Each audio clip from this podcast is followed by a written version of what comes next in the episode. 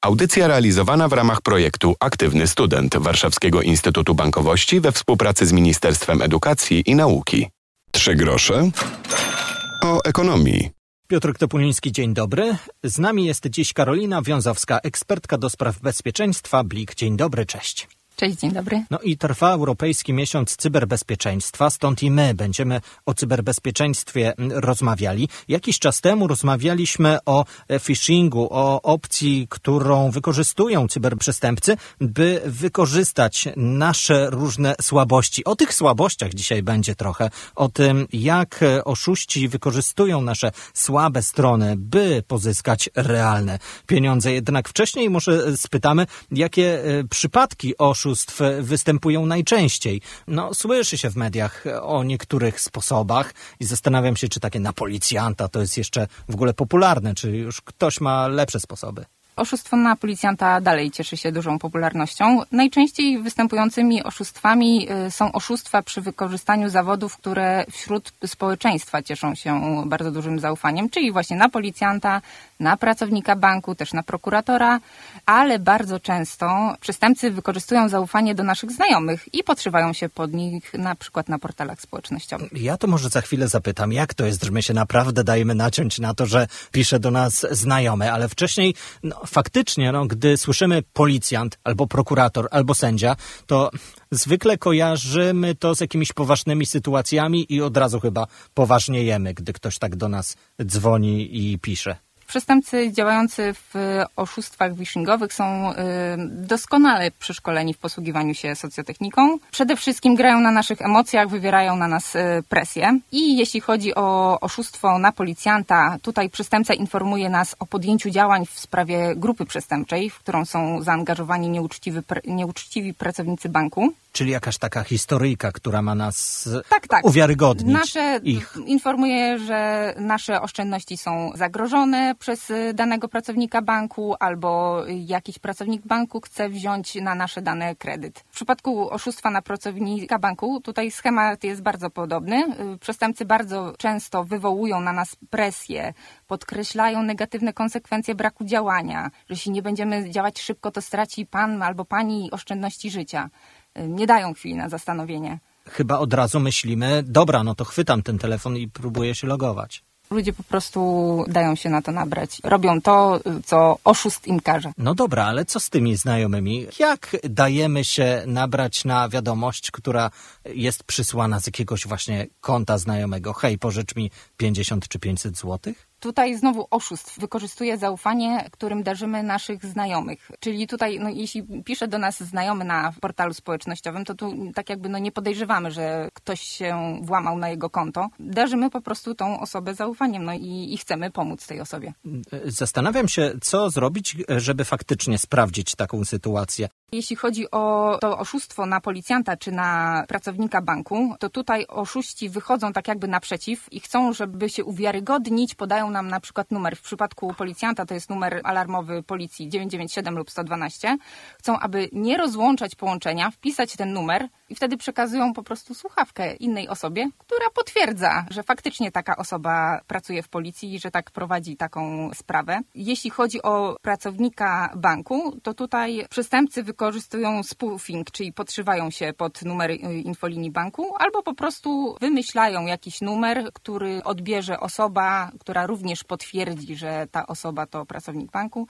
Natomiast trzeba pamiętać, że jeśli chodzi o numer 997 czy 112, dodzwaniając się pod te numery, pracownicy, którzy są tam zatrudnieni, nie mają informacji, czy taka osoba faktycznie pracuje w policji. Także y, nie potwierdzą takich informacji. Jak wykorzystuje się blika w tego typu oszustwach? Na co się nie dać? Trzeba pamiętać, żeby nie podawać numeru blik osobie, której nie znamy. Czyli Bo to się zdarza, tak nawiasem mówiąc, Oczywiście. że ktoś komuś powie, dobra, wyślij mi blika i tam wstukamy gdzieś w bankomacie tych tam kilka cyfr, żeby wyciągnąć gotówkę. E, oczywiście. Jest tak właśnie w przypadku oszustwa na znajomego. Bardzo często wykorzystują blika tutaj oszuści do swoich przestępstw. Natomiast zdarzają się też, że w przypadku oszustwa na policjanta e, i na pracownika banku proszą, aby wypłacić pieniądze w danej placówce, a następnie wpłacić te pieniądze na bezpieczne konto a tak naprawdę te pieniądze trafią po prostu do oszusta. E, możemy nie dość, że stracić swoje pieniądze, to też stracić swoje dane, o czym mówiliśmy też niedawno podczas audycji. Co się dzieje później w takich sytuacjach? Czy my zostawiamy taką otwartą ścieżkę tym przestępcom i oni później wiedzą, że tak można dzwonić? Czy wykorzystuje się taką sytuację raz, a potem te osoby znikają i już więcej z nas cudzysłów nie korzystają? Zazwyczaj jest tak, że po prostu ci oszuści podający się za policjantów czy za pracowników banku zrywają kontakt, a ofiara traci swoje oszczędności i zostaje z kredytem do spłacenia. Na ile mm, te nasze telefony mm, są sprytne albo nie? Bo wydaje mi się, że też niektóre urządzenia dostają taki sygnał typu błąd albo próba wyłudzenia i to jest taki alarm, z którego też powinniśmy skorzystać, gdy dostajemy telefon z podejrzanego numeru i rozłączać, nie korzystać z takich cudzysłów usług? Przede wszystkim trzeba y, kontrolować y, i dokładnie czytać to, co aplikacja banku nam, jakie informacje nam przesyła i wierzyć temu, co jest w aplikacji, a nie temu, co mówi nam oszust. W przypadku właśnie tych wypłat albo wpłat pieniędzy w oszustwie na przyjaciela, przestępcy bardzo często twierdzą, że o, płatność się nie udała, czy jeszcze raz możesz podać mi kod BLIK. I ludzie się dają na to nabierać, że tą informację, którą wysłał nam bank,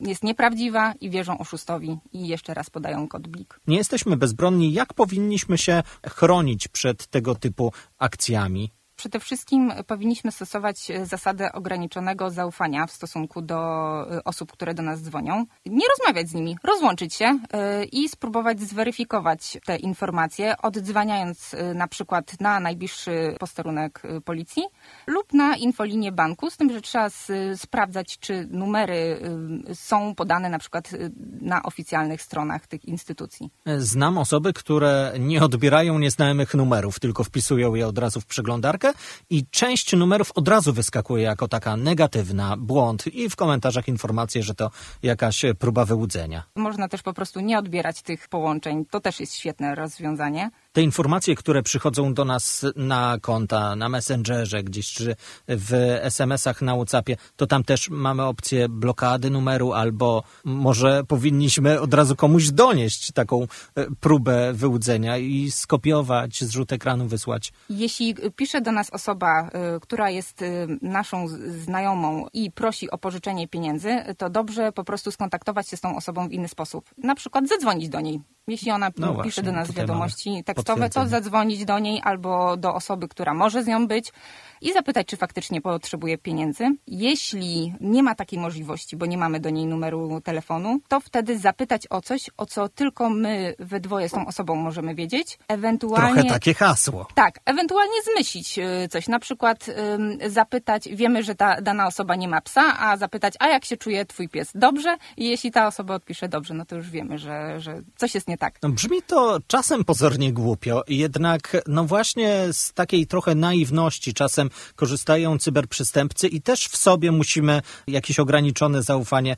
kształtować. A jeszcze na koniec naszej rozmowy spytam o to właśnie, gdzie taką wiedzę znajdować. To znaczy, porozmawialiśmy sobie o takich prostych sytuacjach dziś, ale może jednak powinniśmy wiedzieć więcej. Albo inaczej, rozmawiać ze swoimi znajomymi albo z rodziną o tych sytuacjach, bo są to sprawy, na które nacinają się i starsi i młodsi niestety. Trzeba po tych oszustwach i y, o tych próbach oszustw y, rozmawiać, przekazywać wiedzę dalej. Z doświadczenia wiem, że można mówić i mówić, ale dopóki się tego nie wbije do głowy, to osoby mogą się dawać nabierać. Dlatego powtarzamy i o tych sytuacjach, i o metodach.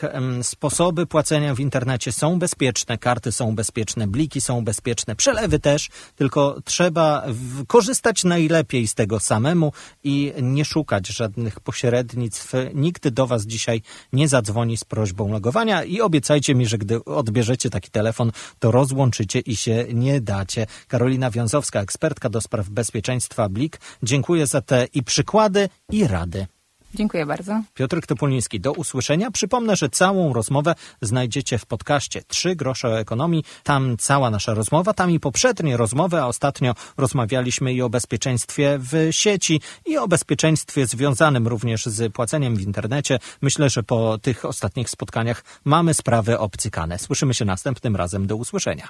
Audycja realizowana w ramach projektu Aktywny Student Warszawskiego Instytutu Bankowości we współpracy z Ministerstwem Edukacji i Nauki.